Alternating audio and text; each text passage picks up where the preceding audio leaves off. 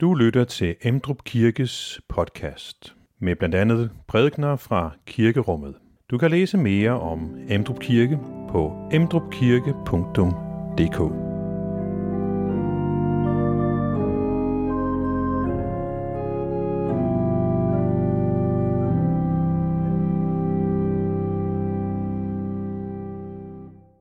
Der kom Peter til Jesus og spurgte, Herre, hvor mange gange skal jeg tilgive min bror, når han forsynder sig imod mig? Op til syv gange. Jesus svarede ham, jeg siger dig ikke op til syv gange, men op til 77 gange. Derfor, himmeriget ligner en konge, der vil gøre regnskab med sine tjenere. Da han begyndte med regnskaberne, blev en, der skyldte ham 10.000 talenter, ført frem for ham. Da han ikke havde noget at betale med, befalede hans herre, at han og hans kone og børn og alt, hvad han ejede, skulle sælges og gælden betales. Men tjeneren kastede sig ned for ham og bad, Ha' tålmodighed med mig, så skal jeg betale dig det alt sammen. Så fik den tjeners herre medynk med ham, og lå ham gå og eftergav ham gælden. Men da den tjener gik ud og traf en af sine medtjenere, som skyldte ham 100 denarer, og han greb ham i struben og sagde, betal, hvad du skylder. Hans medtjener kastede sig ned for ham og bad, have tålmodighed med mig, så skal jeg betale dig. Det ville han ikke, men gik hen og lod ham kaste i fængsel, indtil han fik betalt, hvad han skyldte. Da hans medtjenere nu så, hvad der var sket, blev de meget bedrøvet og gik hen og forklarede deres herre alt, hvad der var sket. Der kaldte hans herre ham for sig og sagde, du onde tjener, al den gæld eftergav jeg dig, da du bad mig om det. Burde du så ikke også forbarme dig over din medtjener, ligesom jeg forbarmede dig over dig? Og hans herre blev vred, overlod ham til bødlerne, indtil han fik betalt alt, hvad han skyldte. Sådan vil også min himmelske fader gøre med hver eneste af jer, der ikke af hjertet tilgiver sin bror. Amen.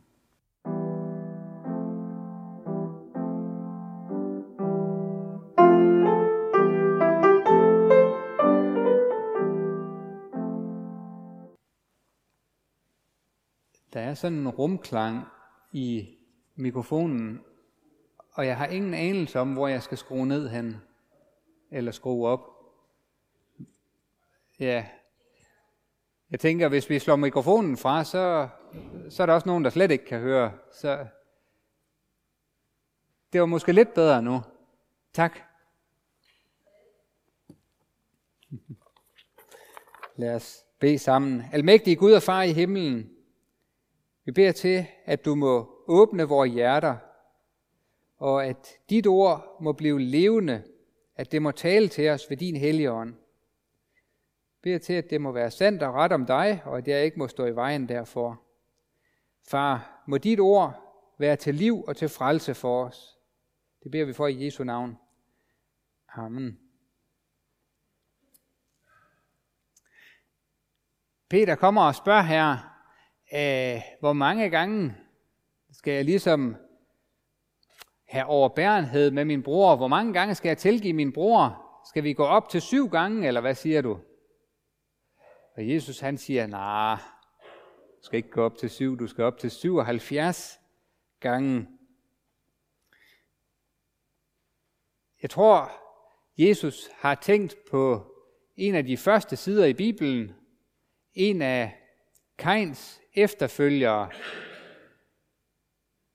han hedder Lemek. Og Lemek, han, øh, jeg ved ikke, han var ikke en rar fyr.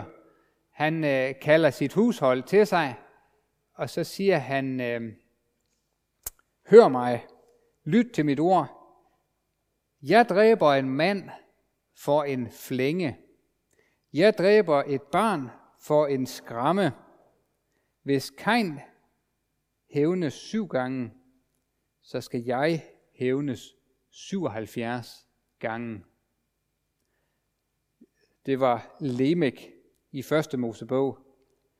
Han havde hævn som et ærestegn. Ham her, Lemek. Og jeg tror, at Jesus han har en indirekte reference til det, når han svarer på Peters spørgsmål her.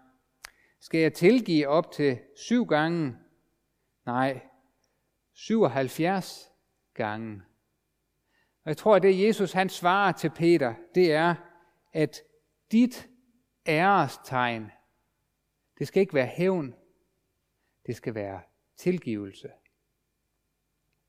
Din grundindstilling i livet, det skal være tilgivelse.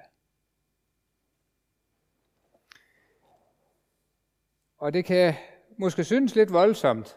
Og, og Jesus han giver så lignelsen her, som han siger. En, en lignelse, hvor at en tjener han skylder et astronomisk stort beløb, 10.000 talenter. Det svarer til 500 tons sølv. Så det, det, det er noget af en øh, gæld, han har. Den årlige skatteindtægt i hele Israel, den lå på cirka 800 talenter om året. Altså hele Israels skatteindtægter lå på 800 talenter. Her er en mand, der skylder 10.000 talenter. Så han har en kæmpe gæld, forstår vi. Han, øh, tjeneren her, han har en kollega, altså en anden tjener ved hoffet. Han skylder os, men han skylder ikke den samme beløb. Han skylder, hvad der svarer til 400 gram sølv. Der er noget forskel på 500 tons sølv og så 400 gram sølv. Ja. Den første mand, han kommer frem for kongen, han skal gøre regnskab der. Betal, hvad du skylder. Han kaster sig til jorden, og han siger, Herre, forbarm dig over mig. Det er umuligt. Og der sker et under. Kongen eftergiver hele gælden. Det er jo helt ubegribeligt. Jeg ved ikke, altså den der lettelse og den frihed, den mand eller den tjener der har følt, det, det er jo ikke til at forstå.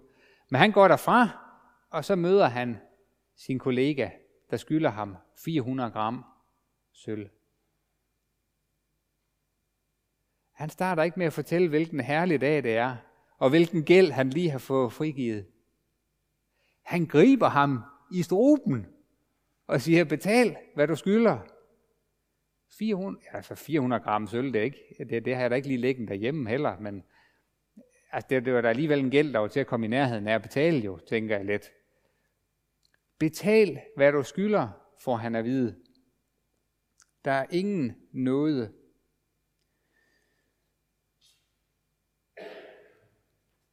Der er ingen tvivl om her, når Jesus fortæller sådan en lignelse, altså kongen, det er Gud, tjeneren, det er et billede på os mennesker her. Og jeg tror, først så skal vi notere os, at hver, altså du og jeg, et hvert menneske må høre evangeliet i teksten i dag. Din synd er dig tilgivet. Din gæld er dig eftergivet. Ja. Det lyder til enhver af Guds folk. En hver af os mennesker. Der må vi høre det. Din gæld er dig tilgivet. Og gælden den kan være nok så stor. Men det uforskyldte, altså Guds nåde, det lyder over et hvert menneske. Og så kan vi måske undre os, når vi, når, når vi sidder her sammen og hører det. Jeg har læst teksten flere gange, en hel del gange efterhånden. Og der er også nogle af jer, der har siddet i kirken her i en hel del år, og som har hørt teksten, er vokset op med den, levet med teksten et helt liv her. Og bønden må være, at Guds evangelium, at den må komme ind. Ikke bare, at vi må høre den, men at den må komme ind i vores hjerter. Fordi det er tydeligt, han der fik eftergivet mig, han har ikke fået gælden eftergivet i sit hjerte. Han har ligesom fået det her. Okay, super. Gælden er betalt. Så fortsætter han ud. Men det er stadigvæk sølv, som er vigtigt for ham i hans hjerte. Og han griber sin medtjener og vil godt have de 400 gram der, han skylder ham. Det er ikke tilgivelse, der er bestemmende for hans hjerte.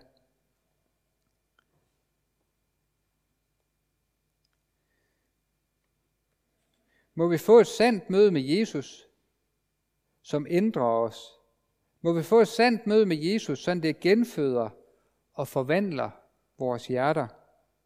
Sådan at der sker noget, og sådan at vi må handle på det, og at vi må tilgive vores medmennesker. Vi kan ikke se ind i Guds hjerte, uden at blive ændret af det. Og det er det ulykkelige i den her beretning, at den første tjener, han får eftergive hele gælden, men han ser ikke ind i Guds hjerte. Kongen forbarmede sig ellers, men det gjorde den første tjener ikke. Og de andre medtjenere rundt omkring dem, de fortæller kongen, hvad der er foregået. Han bliver ked af det, kalder den første tjener til sig. Burde du ikke også have forbarmet dig? Burde du ikke også have for... Det, det er spørgsmålet til den første tjener, der har fået de der 500 tons sølv eftergive. Det er afgørende at komme ind under Guds kærlighedsmagt på en sådan måde, at vi oplever, at den forvandler vores liv.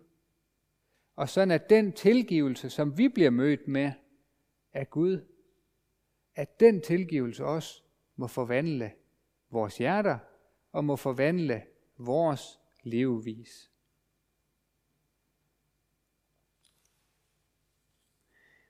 Jeg har taget nogle bibelvers med for at øh, understrege den her lignelse i dag. Øh, og den første bibelvers, det er over fra 2. Korintherbrev, hvor at Paulus taler om det her med, at vi har nogle slørede ansigter. Der står, alle vi, som med utilsløret ansigt i et spejl skuer Herrens herlighed, forvandles efter det billede, som vi skuer fra herlighed til herlighed. Altså, vi forvandles alt efter det, som vi kigger på. Vi må bede til Gud, at Gud må tage det her slør bort. Sløret er den gamle pagt slør, står der. Må vi i troen gribe Jesus. Må vi i troen bede Gud om, at det der slør for vores øjne, at det må blive taget bort, og sådan vi kan se Gud. Vi skal ikke bare forstå, vi skal ikke bare høre et evangelium. Vi skal have evangeliet ned i hjertet. Vi skal have tilgivelsen ned i hjertet. Og vi skal have tilgivelsen til at have en indflydelse i vores liv. Vi skal kende Guds barmhjertighed, og vi skal forvandles i hans nærhed. Bibelen er som det her spejl, vi holder op imod os. På den ene side, så kan Bibelen fortælle os, hvem vi er, sådan retteligt.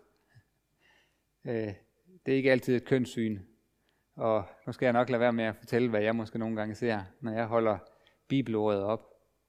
Men det er den ene side af det, at bibelordet, det er som det her spejl, der fortæller sandheden om, hvem jeg er. Og samtidig, altså dobbeltsiden af det her spejl, ikke også, så er det jo, at er der én ting, som Bibelen tegner for vores øjne, fra først til sidst, så er det Jesus. Det er Jesus, der bliver tegnet for vores øjne. Må Jesus blive større, og må jeg blive mindre. Må Jesu tilgivelse blive større, få større indflydelse i mit liv. Og må min egen trang på hævn blive mindre.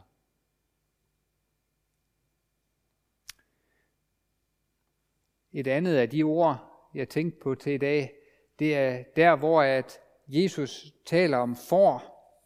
Han siger, min for hører min røst, og jeg kender dem, og de følger mig, og jeg giver dem evigt liv, og de skal aldrig i evighed gå fortabt.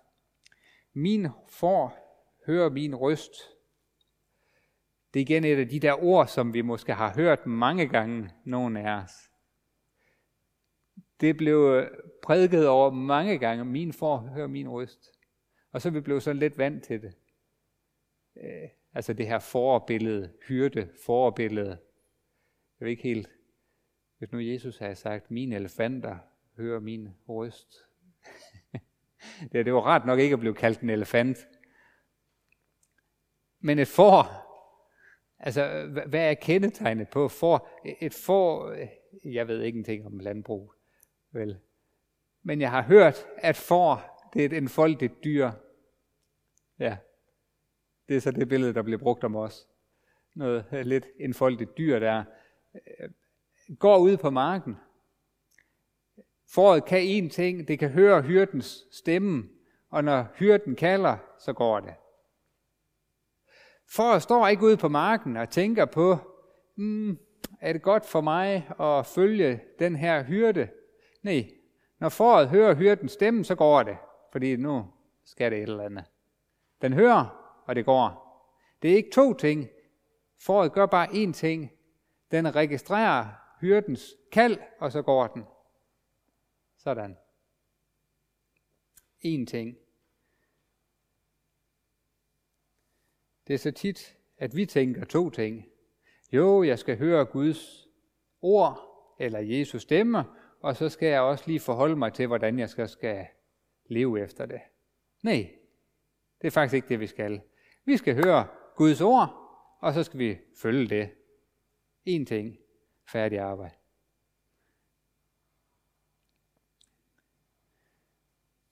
Og nu skal jeg lige huske, hvor langt jeg er her.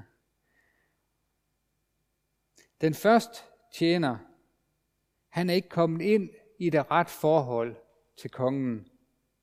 Når man bliver tilgivet, der er man ikke længere optaget af det her sølv. Det er ikke det, der skal styre ens liv. Og det er lidt det sjove af det hele. At når han har modtaget tilgivelsen, så er han ikke længere optaget af sølv, men så er han optaget af Jesus. Før var den første tjener, ikke? hans hjerte, det var bundet til det her sølv. Men når vi hører tilgivelsens ord, må vores hjerter så blive fyldt af Jesus. Og må vores hjerter drages til ham, og så kan sølv og guld være sølv og guld. Skidt der med det. Det er der en frelses rigdom i og skældne.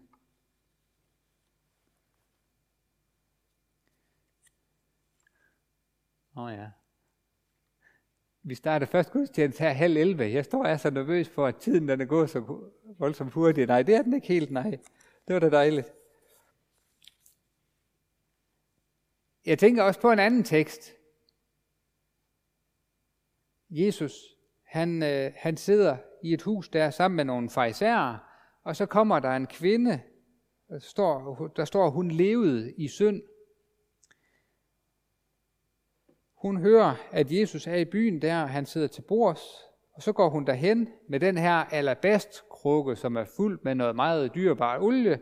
Hun stiller sig bag ved ham, hun græder og væder hans fødder. Og hun tørrer den med sit hår, og hun kysser fødderne og salver dem med den her dyrebare olie. sådan lidt en, en sjov, eller en lidt pussy tekst, øh, og forestiller den her kvinde, der står og græder ved Jesu fødder. Men hændelsen, den udvikler sig til en samtale mellem Simon Peter og Jesus. Simon, han kan de rigtige svar. Altså det Jesus, han spørger efter. Og Jesus, han er egentlig også tilfreds med det, som Simon, han svarer. Men der er én ting, som er galt. Fordi han mangler det, som inden har. Han har langt mere reddet på Bibelens ord, men hun kender Guds hjerte. Og det drager hende, og hun må derhen, hvor Guds hjerte det er, fordi det er der, hvor Jesus han er. Og hun går derhen. Hun har måske forberedt en lille tale. Hun vil sige et eller andet. Hun måske bekende noget over for Jesus og deklarere, hvordan det skal være fremover. Den tale får hun sikkert ikke holdt, men hendes hjerte brænder af kærlighed til sin frelser. Nu er du hos Jesus, så er du frelst, og det er nok. Og det var også derfor, vi skulle synge Anna Ølanders salme der før. Vi sang her, om jeg bare har Jesus, så har vi alt.